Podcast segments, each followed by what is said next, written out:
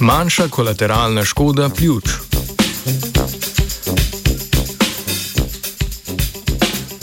V času pandemije SARS-CoV-2 se je močno povečala potreba po medicinskih ventilatorjih, ki se uporabljajo za pridihavanje pljuč bolnika, ki sam ne more več dihati.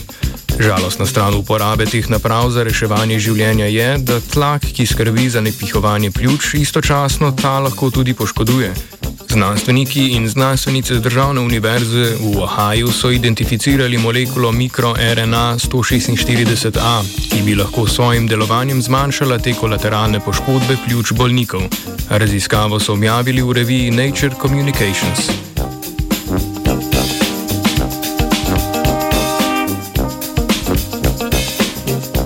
Ob prepihovanju z medicinskim ventilatorjem pride do mehanskih držljajev v pljučih. Ti sprožijo proces unetja, ki lahko vodi do poškodb.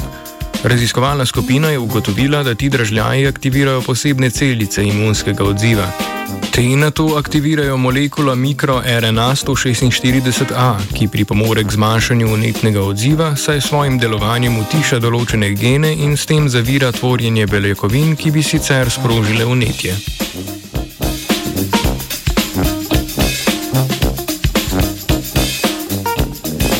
Proces povišanja koncentracije mikroRNA 146A je znanstvena skupina preverila z raziskavami na pljučnih celicah.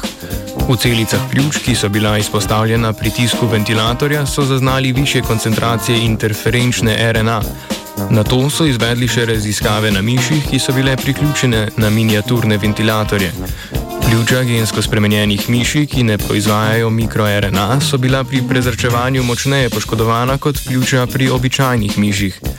To kaže na zaščitno vlogo molekule.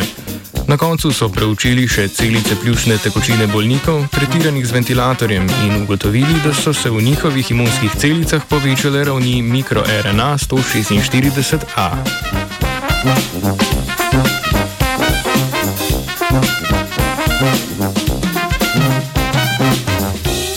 Izražanje te molekule večinoma vseeno ni dovolj visoko, da bi preprečila poškodbe pri dolgotrajnem prepihavanju. Zato se je raziskovalna skupina lotila preverjanja možnih metod za povečanje koncentracije molekule v pljučih. Za najuspešnejšo metodo se je izkazal prenos mikroRNA 146A do pljuč z nanodelci. S to metodo se je namreč pri poskusih na miših koncentracija kar desetkrat povečala, unetje pa je bilo močno zmanjšano.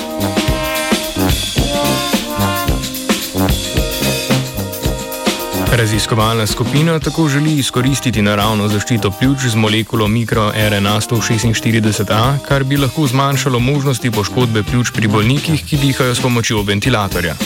Seveda pa bodo na tem področju potrebne še nadaljne raziskave.